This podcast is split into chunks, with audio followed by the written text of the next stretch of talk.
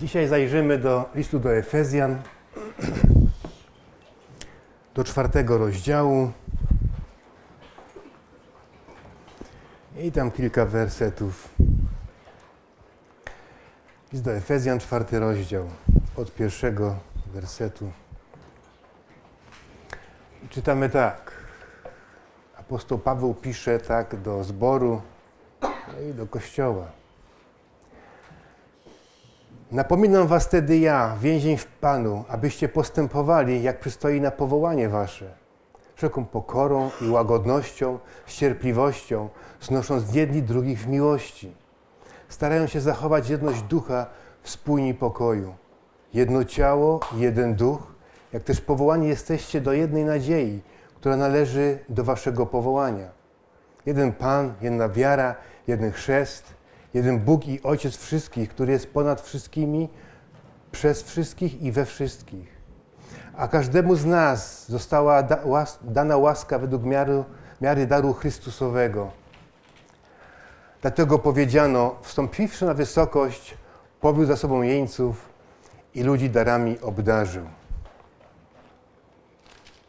To na początek tyle. I pytanie, czy wszyscy wierzący się kochają? Czy wszyscy się lubimy i na widok każdego brata i każdej siostry bardzo się cieszymy, że znowu ich widzimy? Czy wszystkie zbory Chrystusowe pałają do siebie wielką miłością i chętnie spotykają się ze sobą? No myślę, że chyba tak nie jest. Przecież tak nie było w przeszłości. Dochodziło do różnych sporów między ludźmi wierzącymi. O to, kto lepiej rozumie naukę Pana Jezusa i kto ją lepiej realizuje, kto ma lepiej ułożone nabożeństwo, bardziej biblijnie, czy ich chrzest jest ważny, czy Pawłowy, czy Apolosowy, a co za tym idzie, kto znalazł się bliżej Boga, jest ważniejszy przed Bogiem. I Paweł na początku tego fragmentu pisze, abyśmy postępowali, jak przystoi na powołanie nasze. Ale tym razem nie pisze o tym, żeby stronić od grzechu, żeby żyć uświęconym życiem, takim bogobojnym, ale pisze właśnie, by żyć w pokorze, łagodności, cierpliwości i o znoszeniu jedni drugich w miłości. Dlaczego o tym mówi, o tym pisze? Bo ten świat taki nie jest. Ten świat nie jest łagodny, nie jest pokorny, nie jest cierpliwy, cierpliwy i nie potrafi znosić drugich w miłości, zwłaszcza tych najsłabszych. A Pan, który nas powołuje z tego świata i wprowadza nas w swój świat, nie ma nic wspólnego z tamtym światem, z jego charakterem, z jego cechami. I nie chce, abyśmy my, Kościół, kontynuowali to, co kiedyś też było naszym charakterem. Od tego świata nie można wymagać, by, by takiej postawy Chrystusowej, bo ten świat nie jest w stanie tak żyć, bo jego Pan ma zupełnie inne usposobienie, inne cechy. Ale od Kościoła gdzie można wymagać. To jest takie może trudne na nas słowo, wymagać czegoś od nas. Ale można wymagać, bo Kościół ma coś, co właśnie umożliwia mu być innym. No tym kimś jest oczywiście Duch Chrystusowy. Duch, jaki Chrystus, ten łagodny, pokorny baranek pozostawił nam. Dał nam. Zanurzył nas w tym swoim Duchu Chrystusowym. Duchu łagodności, cierpliwości, dobroci. Nie przez przypadek symbolem Ducha Świętego no jest gołębica, gołąb, ptak bez żółci, taki delikatny, taki łagodny, a nie, nie ma on charakteru jakiegoś drapieżnego jastrzębia.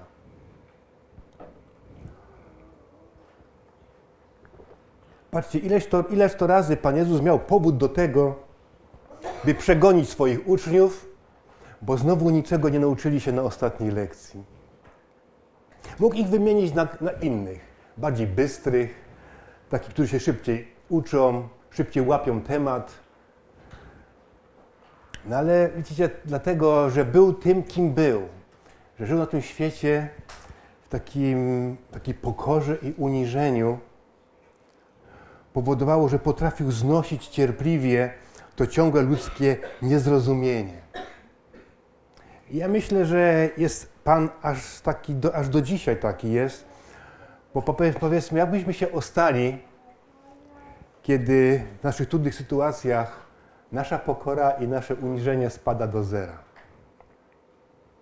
Gdzie Pan ciągle nas obdarza tą swoją cierpliwością i to nasze niepojmowanie spraw, które dla Niego są takie proste, takie oczywiste. Znosi to, że nie potrafimy się ciągle czegoś tam nauczyć. Ale dzięki temu też możemy poznać Boga takim, jakim je naprawdę jest. Boga dobrego i cierpliwego, Boga, który, któremu zależy na każdym człowieku, który potrafi do człowieka coś powtórzyć tysiąc razy. Bo chce, bo nie chce śmierci grzesznika, ale chce, by każdy człowiek zrozumiał i był zbawiony.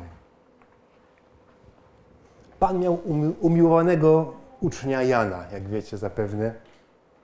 Widocznie pasował mu jego charakter, usposobienie, zachowanie, ale Pan nie robił różnicy między swoimi uczniami. Nie powiedział, miłujcie się nawzajem tak, jak ja umiłowałem Jana. Ale mówi, ja was wszystkich tak samo umiłowałem, taką samą miarą miłości. I dlaczego? No bo mój ojciec was tak samo miłuje. Więc nie mogę was inaczej miłować niż mój ojciec, bo my jedno jesteśmy. I dał mnie wam, abym was wykupił z waszych grzechów i umarłem za każdego z was tak samo. To nie jest tak, że kogoś bardziej miłował i bardziej umarł, a za kogoś mniej umarł, bo go mniej miłował. Umiłował nas miłością taką samą. Jak wiecie, Jan, ten umiłowany, wpadł na pomysł ze swoim bratem, żeby spalić wioskę samarytańską. Ale to nie zraziło Jezusa do niego. Oczywiście powiedział, co myśli na ten temat, ale nie odwrócił się od Jana. Dalej był tym jego umiłowanym uczniem. Piotr był w stanie powiedzieć aż trzy razy: Nie znam tego Pana. Oczywiście przez duże P. A jednak Jezus po zmartwychwstaniu poprzez anioła mówi, że i na Piotra czekam w Galilei. To trzykrotne Piotrowe nie znam Jezusa nie przekreśliło Jezusowego wybieram Cię na mojego apostoła. Więc dlaczego my nie mielibyśmy się miłować tak samo, znosić się w miłości, cierpliwości, skoro mamy tego samego Pana, który wobec nas jest taki sam? On nie jest stronniczy. Skoro mamy takiego samego Boga, który nas obdarzył taką samą wiarą, bo wierzymy tylko dzięki działaniu Jego przemożnej mocy, jak tam pisze Paweł w tym liście do Efezjan w innym miejscu. Gdyby Bóg zabrał tą swoją moc, to wszyscy byśmy wylądowali od razu w Egipcie z powrotem. W niewoli Egiptu.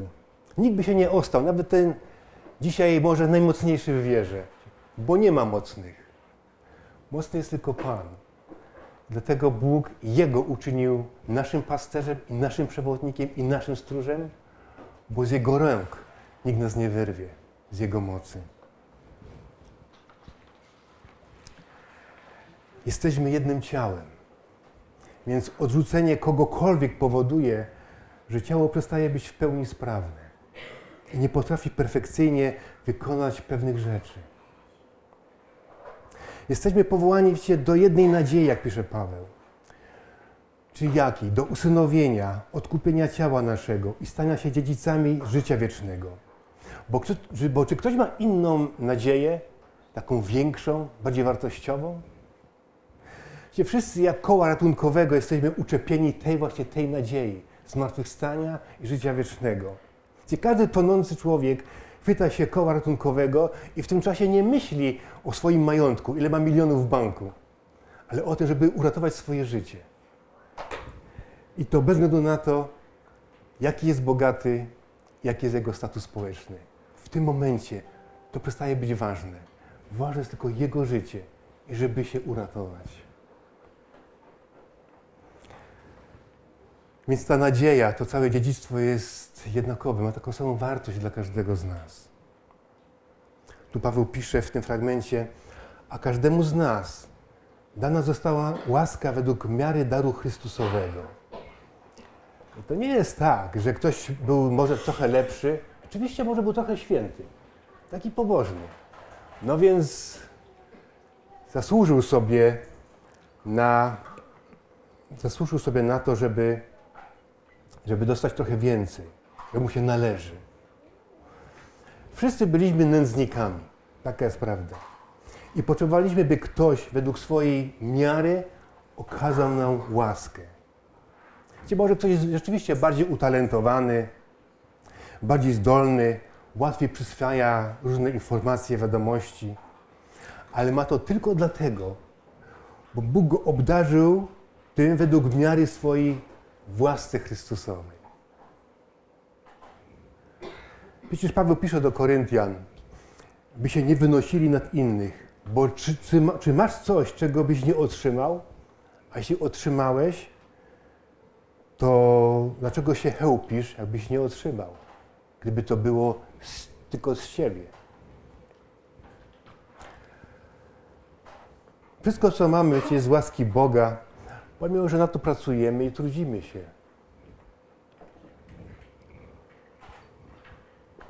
Już do Izraela Bóg powiedział tak: Pamiętaj, że to Pan, Bóg Twój, daje Ci siłę do zdobywania bogactwa.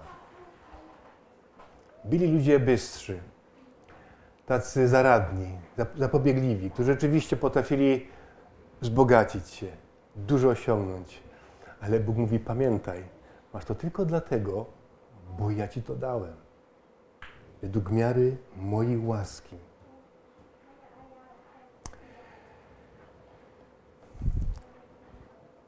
Widzicie, to wszystko widać na przykładzie np. walk, jakie Izrael toczył w ciągu swojego życia. Kiedy Bóg był z nimi, to oni zwyciężali. A kiedy Bóg od nich odstępował, to przegrywali. Pomimo, że byli tak samo liczebni, tak samo mocni, mieli taką samą broń, tą samą oręż, taką samą strategię. Ale to wszystko bez Boga traciło swoją moc. Stawało się bezużyteczne bo byli silni i mocni i zwyciężali tylko i wyłącznie dzięki Bożej łasce. To jest tak jak z tym wróblem. Pan Jezus mówi, że nie spadnie wróbel na ziemi bez woli Ojca. A to się wydaje takie naturalne. No, czasami ptaki spadają na ziemię, bo są słabe, chore, albo, czegoś nie, albo się czymś zatruł. I że Bóg z tym nie ma nic wspólnego. Jezus nas wyprowadza z tego błędnego myślenia. Nieprawda. To się wydaje takie naturalne ale on nie spadnie na ziemi bez woli mojego Ojca. Gdyby Bóg zechciał, to by nie spadł. I tak jest z każdym z nas. To Bóg nas podtrzymuje swoją mocą. No nieraz dochodziło do sporów między wierzącymi ludźmi. I pisze Paweł o tym w liście do Koryntian w szóstym rozdziale. I pisze tak. Dziwi się, że mają śmiałość procesować się między sobą i to przed niewierzącymi jeszcze. I w ogóle to już przynosi wam ujmę, że się ze sobą procesujecie. Czemu raczej krzywdy nie cierpicie? Czemu raczej szkody nie ponosicie? I wiecie, tego nie pisze człowiek bogaty, który żyje wygodnym życiem, zwany człowiek sukcesu. Ale to pisze człowiek, który utracił wszystko dla Chrystusa i z powodu Chrystusa. Ale nie tylko dla Chrystusa, ale też dla Jego Kościoła dla wszystkich świętych, powołanych i wybranych przez Boga, po to, by temu Kościołowi służyć. Nawet pisze, że był w stanie dopełnić na swoim ciele braki udręk Chrystusa dla, dla dobra ciała, którym jest Kościół. Więc cieszył się z tego, że utracił tak wiele. Może nawet został okradziony przez kogoś, ale to dla niego nie miało żadnego znaczenia. Cieszył, cieszył się z tego, że może cierpieć wraz z Chrystusem i to jeszcze dla Kościoła, aby przez to Kościół był ubogacony. I pewnie nie wyobrażał sobie, by z takim kościołem mógł się kłócić czy procesować po to, by osiągnąć swoje cele i swoje racje. Pan Jezus powiedział, że mamy się, życie za siebie oddawać. To nam przykazał. Z takim przykazaniem nas zostawił. Bo to jest przecież największym wyrazem miłości, tej agapy, czyli dajemy siebie, swoje życie komuś. Bo to nie chodzi o to, że tylko nas, że Pan Jezus miał, miał, miał nas tak umiłować tą miłością agapy. Ale my nawzajem mamy się miłować w ten sposób.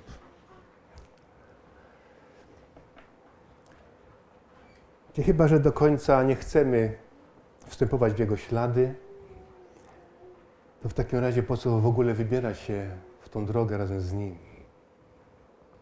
Jan w pierwszym liście pisze tak: Nie miłujcie tego świata, ani tego, co jest na świecie. Jeśli kto miłuje świat, nie ma w nim miłości Ojca.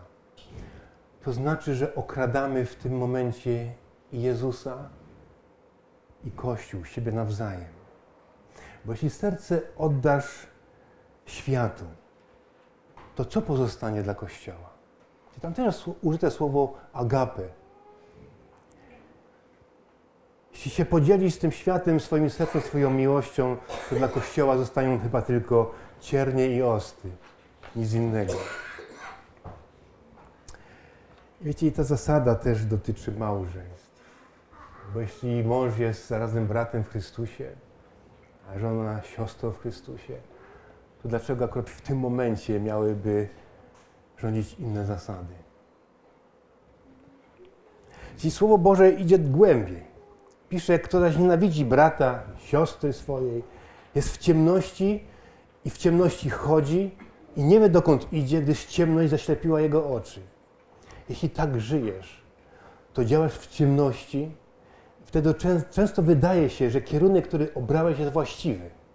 I to, co robisz, jest dobre. Ale w końcu człowiek ląduje w przepaści, bo nie wie, dokąd idzie.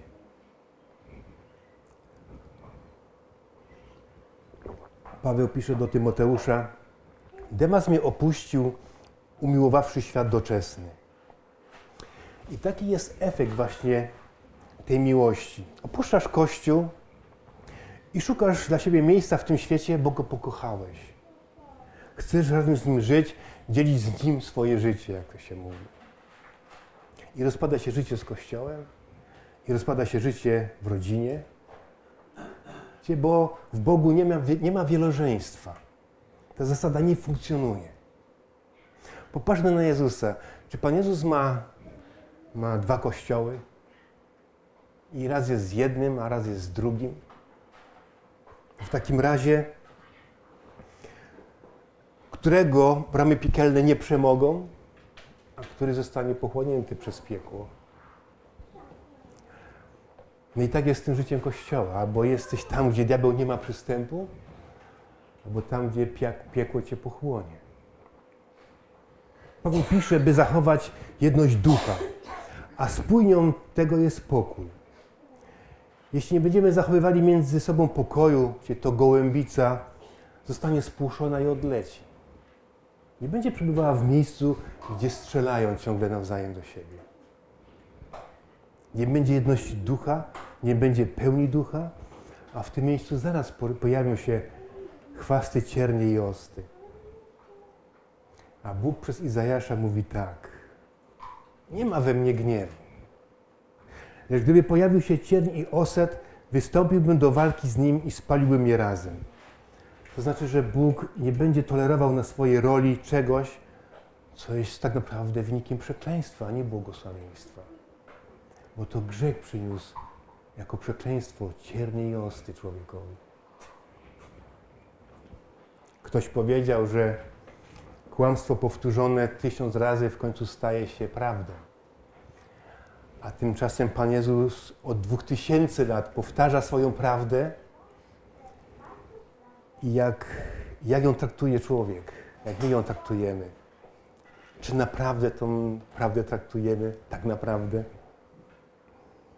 Kiedyś Ananiasz i Safira nie potraktowali na poważnie tego, że Bóg bada e, skrytości serca, no i umarli. W Koryncie niektórzy nie traktowali swojego grzechu z całą powagą, tak mówi Boże Słowo, i chorowali, umierali. Czy tu nie chodzi o, o to, że będziemy potępieni, ale chodzi o to, by nie popaść w taką duchową biedę. Bo ta bieda sprawi, że nie będą z nas wypływały te strumienie żywej wody. A na tym miejscu, gdzie się zgromadzamy, będzie sucha, popękana gleba, na której nic nie wyrośnie. I chyba nigdy nie zdarzyło się, by jakaś karawana, jacyś ludzie zatrzymywali się w miejscach, gdzie nie ma nic prócz pieczonej ziemi. Zawsze podążają w kierunku oazy, tam gdzie jest woda, gdzie są palmy, gdzie można odpocząć, gdzie są warunki do odpoczynku. A przecież to w Chrystusie jeden jest ten prawdziwy odpoczynek dla człowieka. Więc jakim stanie się miejscem Kościół, jeśli zabraknie w nim Chrystusa tego, tego z Biblii, tego pełnego miłości, dobroci, cierpliwości i łaski. Tego, który nam przykazał się miłować tak, jak On nas umiłować, um, umiłował. Bo On jest właśnie łagodny, cierpliwy. A Piotr pisze coś takiego, że mamy cierpliwość Pana Jezusa uważać za ratunek. W Grece w innych tłumaczeniach pisze za zbawienie czy za zbawienne. Więc cierpliwość Pana Jezusa ratuje nasze zbawienie. Bo gdyby Pan nie był cierpliwy na tej naszej ciągle jeszcze starej natury, to kto z nas ostałby się?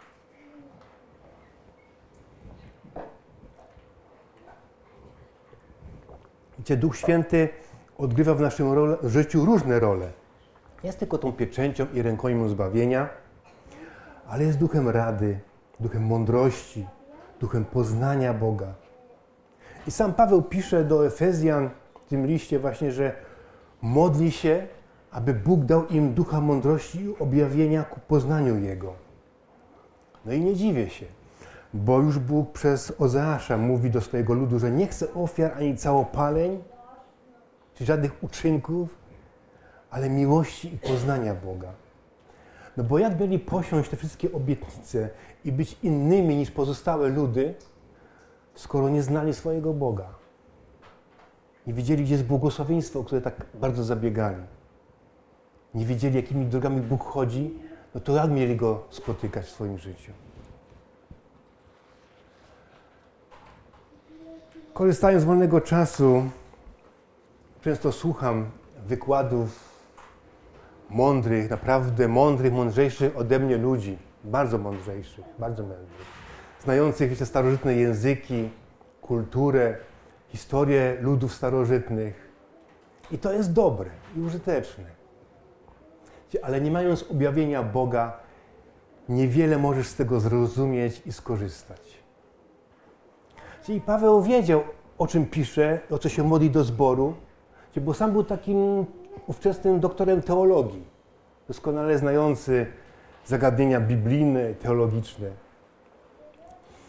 I sam doświadczył tego, że jeśli nie masz poznania Boga przez Jego ducha, to tak naprawdę ta cała wiedza nie przyda ci się na nic. Przez tą wiedzę, przez tą mądrość książkową nie znajdziesz się w niebie. I ciekawe jest to, że właśnie o tym pisze do zboru w Efezie. O tym, że się modli, aby Bóg dał, Bóg dał im tego ducha objawienia Boga. Bo kiedy ostatni raz spotykał się ze starszymi tego zboru, to mówi, że będzie taki czas, że między was wejdą wilki i nie oszczędzą trzody Pana Jezusa. Nawet pomiędzy was samych wyjdą ludzie mówiący rzeczy przewrotne. I wiedział, że jedynym, co może ten zbór uratować, to jest objawienie Boga, pochodzące tylko od Jego ducha. Bo tylko Duch Boży wie, kim jest Bóg i jaki On jest.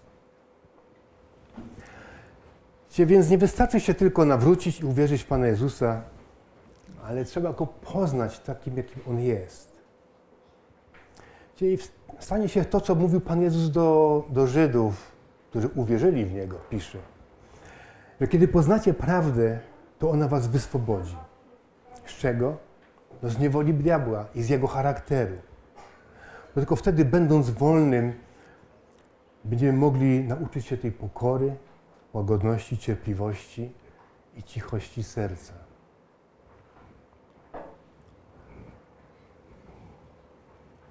W tym fragmencie Paweł pisze, wstąpiwszy na wysokość, powiódł za sobą jeńców i ludzi darami obdarzył. No wszyscy kiedyś byliśmy jeńcami diabła i grzechu. No i to stało się w raju, kiedy człowiek, mówiąc w cudzysłowie, uniezależnił się od Boga, no ale stał się zarazem jeńcem diabła. I nie, nie było nikogo mocnego, kto by mógł go uwolnić z tej niewoli. No tylko Syn Boży. Pan Jezus mówi, ja mam klucze śmierci i piekła. Tylko On może ludzi uwolnić z tej niewoli. I ta wolność nam daje wolność w dokonywaniu wyborów i również w zachowaniu się względem innych. Bojeniec, który ma skrępowane ręce i nogi, nie może podejmować jakichkolwiek działań, jakichś decyzji. Jest całkowicie poddany temu, który go więzi. Tylko człowiek uwolniony z tych więzów może decydować o tym, w którą stronę, w którą stronę pójdzie, co będzie mówił, czego nie będzie mówił, jak się zachowa, czy będzie pokorny, czy będzie cierpliwy. No ciągle się mówi o jedności Kościoła, organizuje się jakieś dni modlitw o jedność Kościoła.